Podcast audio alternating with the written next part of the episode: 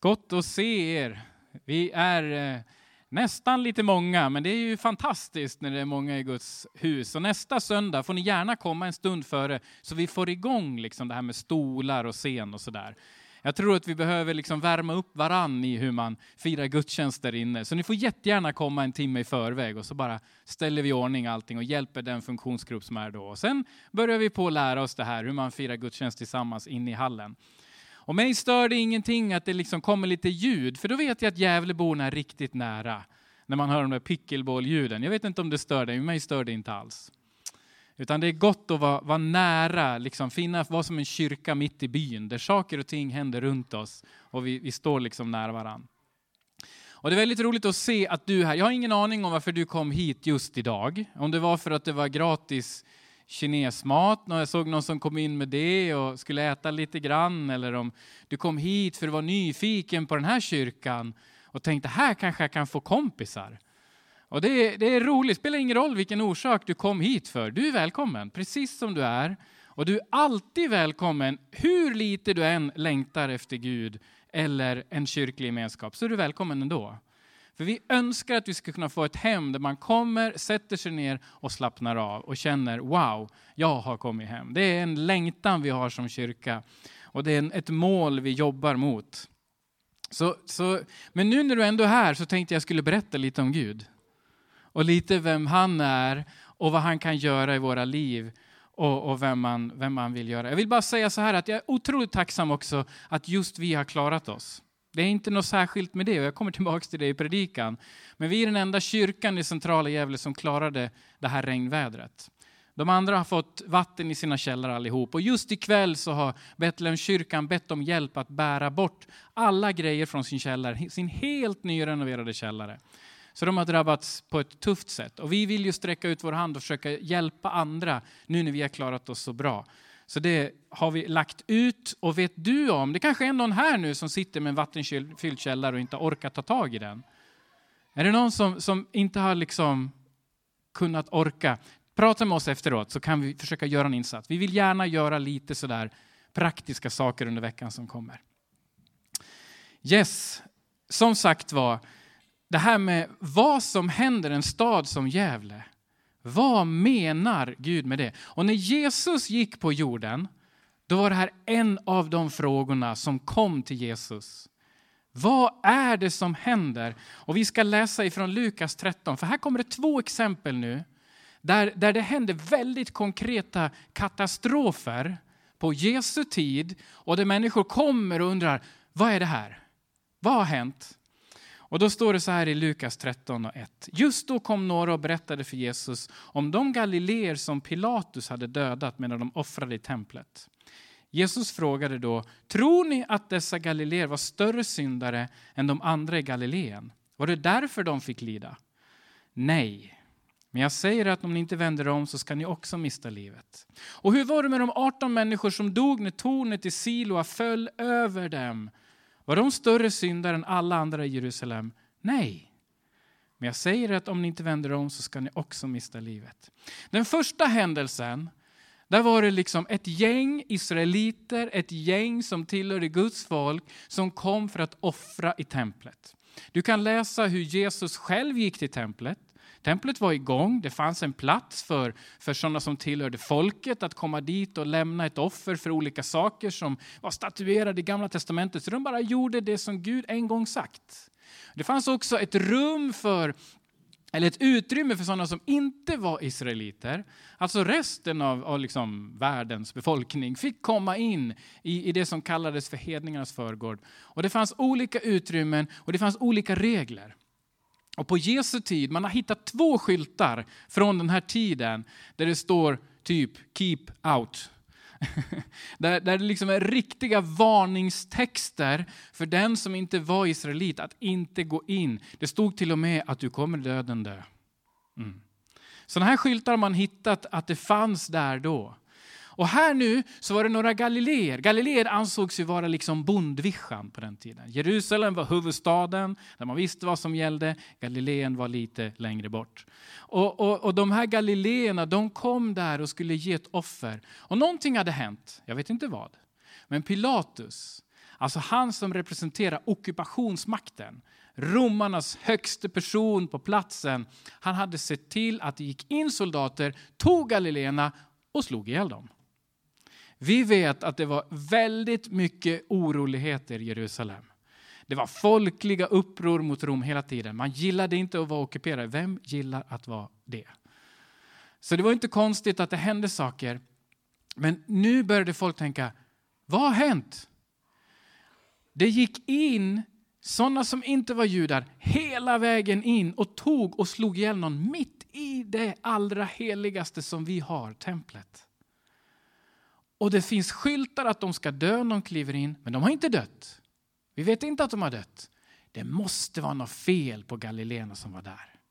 Det var liksom det sätt man resonerade och man spekulerade och man tänkte de måste ha gjort något extra illa och tokigt som gjorde att Gud lät det bli på det sättet.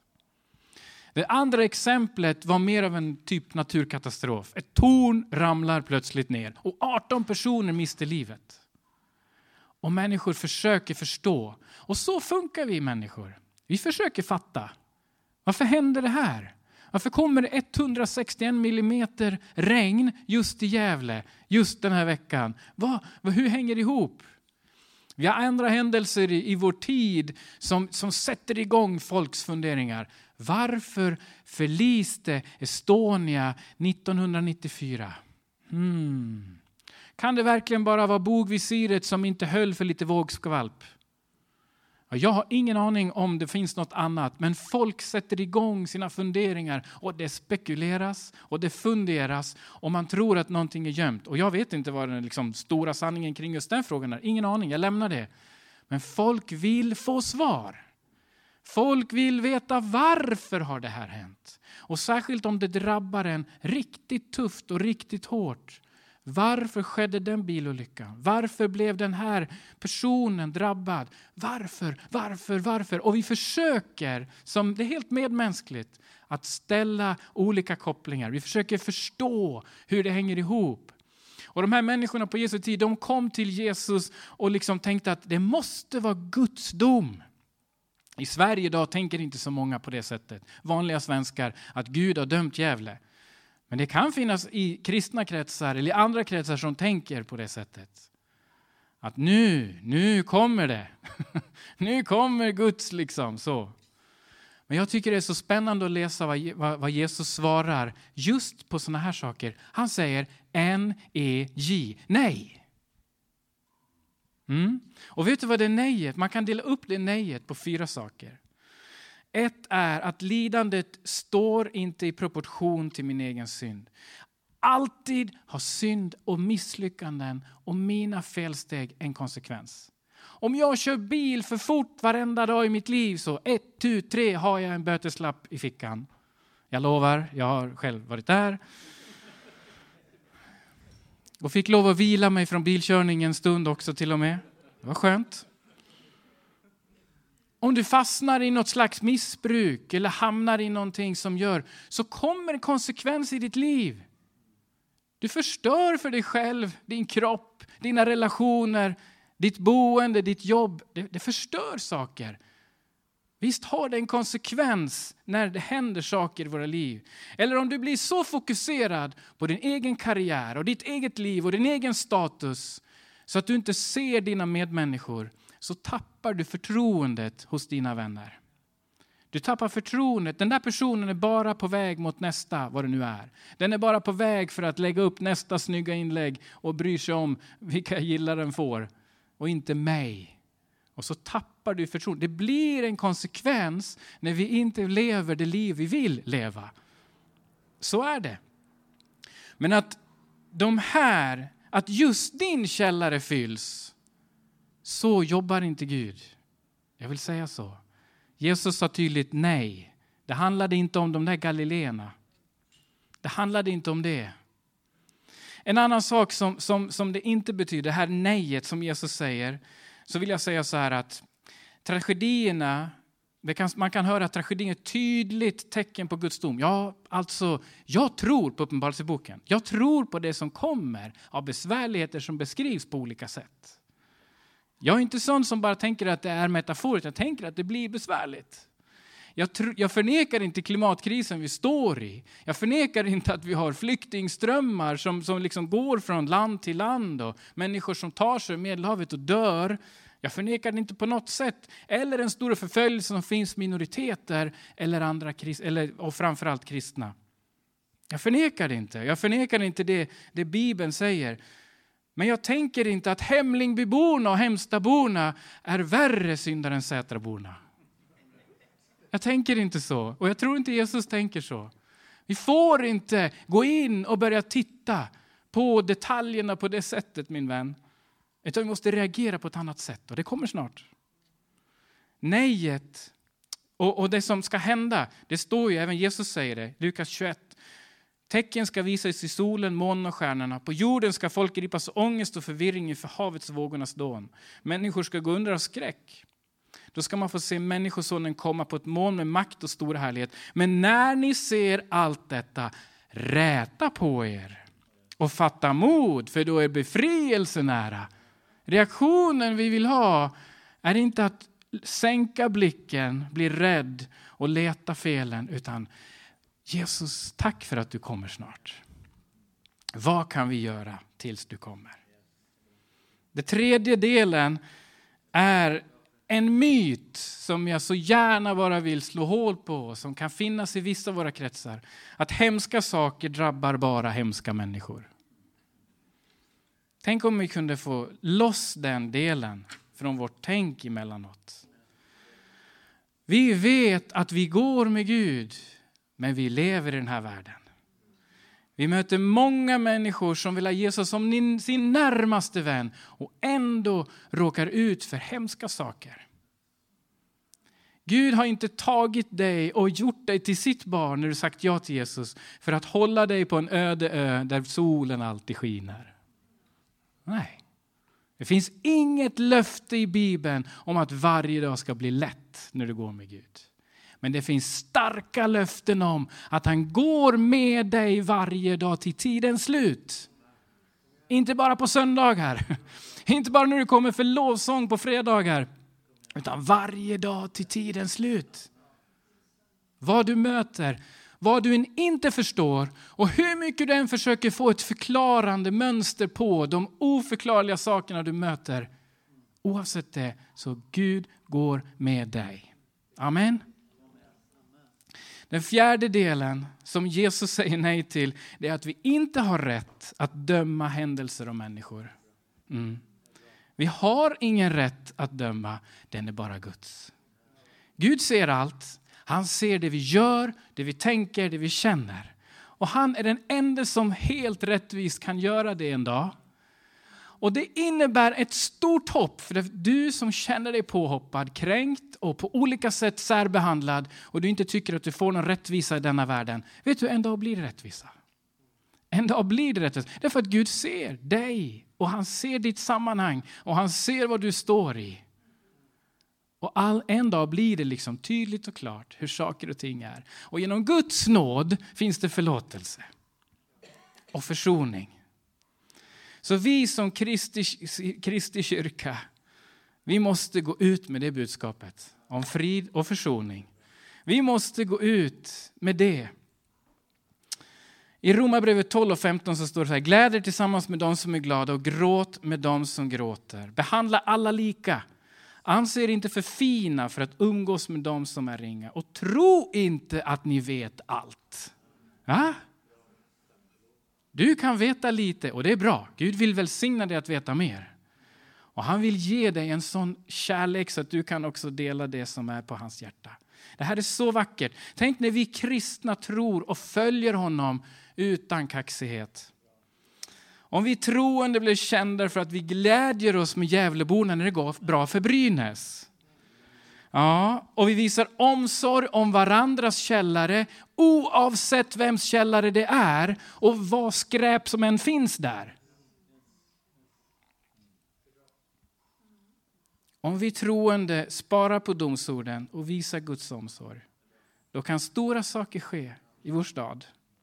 Därför att Jesus säger nej till det som nyss frågades, men han säger ja. Han säger ja till dig. Och han säger ja till din medmänniska Den som vill. Den som vill tro, där finns nåden. Men varför håller vi på så här och försöker döma varandra? Och det kanske inte är så många som nu dömer Gävle så, och det får vara upp till dem som vill det.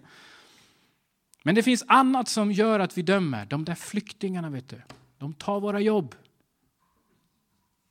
Mm. De där muslimerna, de försöker bygga ett kalifat i vårt land.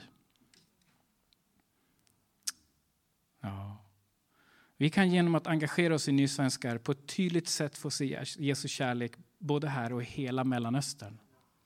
Det som händer i Gävle, det ekar där alla människor kommer ifrån. Jag lovar dig. Det som du gjort mot en afghan här i Gävle, det ekar i Afghanistan idag. Den som blivit utvisad från Sverige, orättfärdigt, orättvist. Men det eviga livet som uppstått i den människans liv, det ekar i Kabul idag. Tack Herre för vad du gör genom din kärlek till den som kommer. Vad är vår respons på katastrofen? Jo, vi åker ut med en pump. Vi öppnar en lokal, vi försöker agera Guds utsträckta händer och fötter mitt i vårt samhälle. Men vi sparar domen åt Gud. För Jesus säger ja till människan. Men fanns det inte en, ett omvändelsebudskap ändå? Jo, men vem riktade, vem riktade Jesus det omvändelsebudskapet till? Det var de som kom med det här. Guds eget folk som försökte göra sakmönster. Det var till dem. Varför gör vi det här? Jo, det är precis det här. Säger inte om ni inte vänder om så ska ni också mista livet. Så sa Jesus. Så vi säger nej till våra hemsnickrade domar, men ja till att visa vår omsorg. Och omvändelsen är knappast oviktig. Gävleborna har fått en helt ofrivillig rensning av sina källarutrymmen. Vissa prylar var säkert skönt att bli av med, men vissa gör ont att mista. Och om ett halvår eller några månader så kommer det vara rensat i många källare och nystädat. Men hur är det med din och min själ? Vi kommer att fortsätta att prata om lärjungaskap, att följa Jesus tätt i hälarna under hela hösten. Vi kommer att försöka beskriva på olika sätt hur vi kan göra det. Men jag ser två tydliga uppdelningar som alltid är med oss människor. Vilka vi är och vad vi gör. Och jag vill bara läsa Romarbrevet 12 och 2 vad det gäller vilka vi är. Anpassa er inte efter den här världen utan låt er förvandlas genom förnyelsen av ert sinne så att ni kan pröva vad som är Guds vilja. Det som är gott och fullkomligt behagar honom.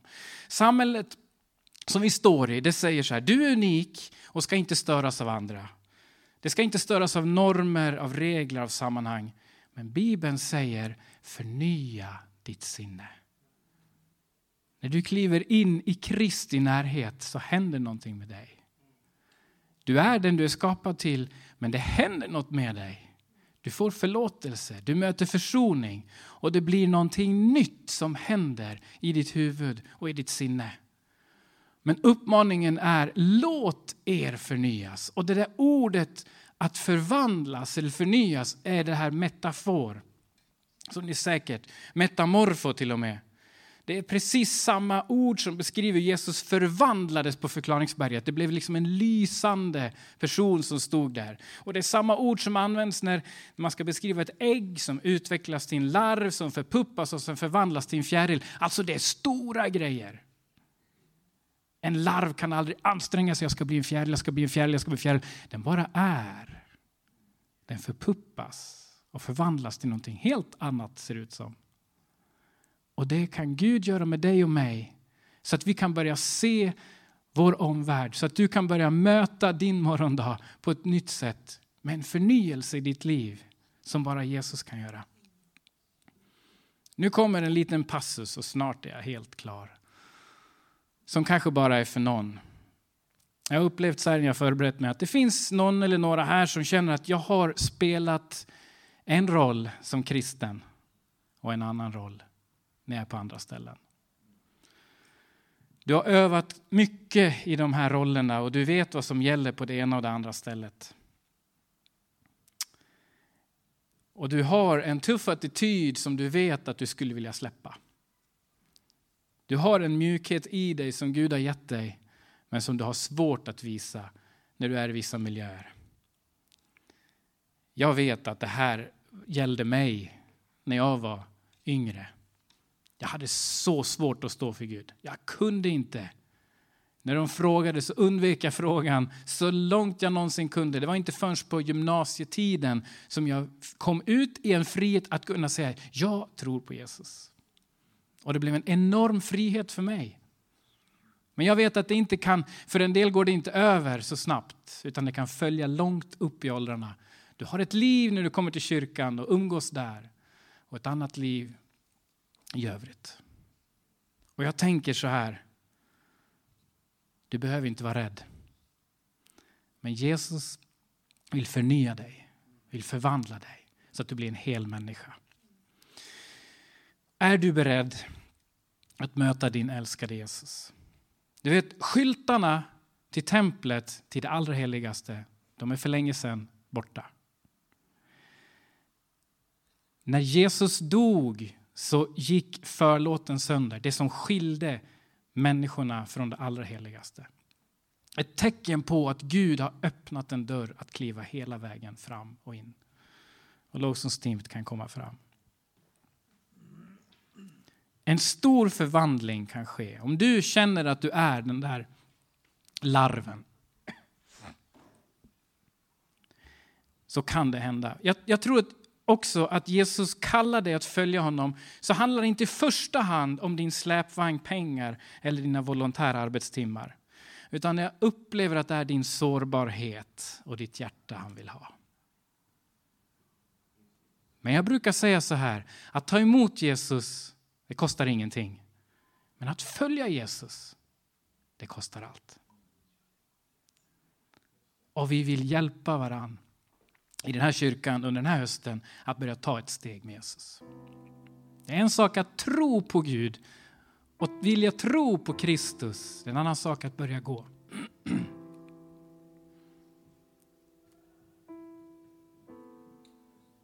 Nu får du kliva hela vägen fram till Guds tron. Skyltarna är borta, de är, de är på museum. Förlåten, det som skilde, det är borta. Och Jesus han vill möta din rädsla. Han vill visa att när du kliver nära honom så finns det ingenting att vara rädd för.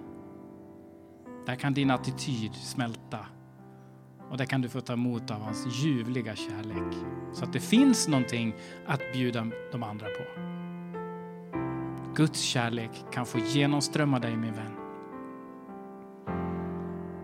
Och vi är så tacksamma för när det här händer i våra liv och i vår omgivning.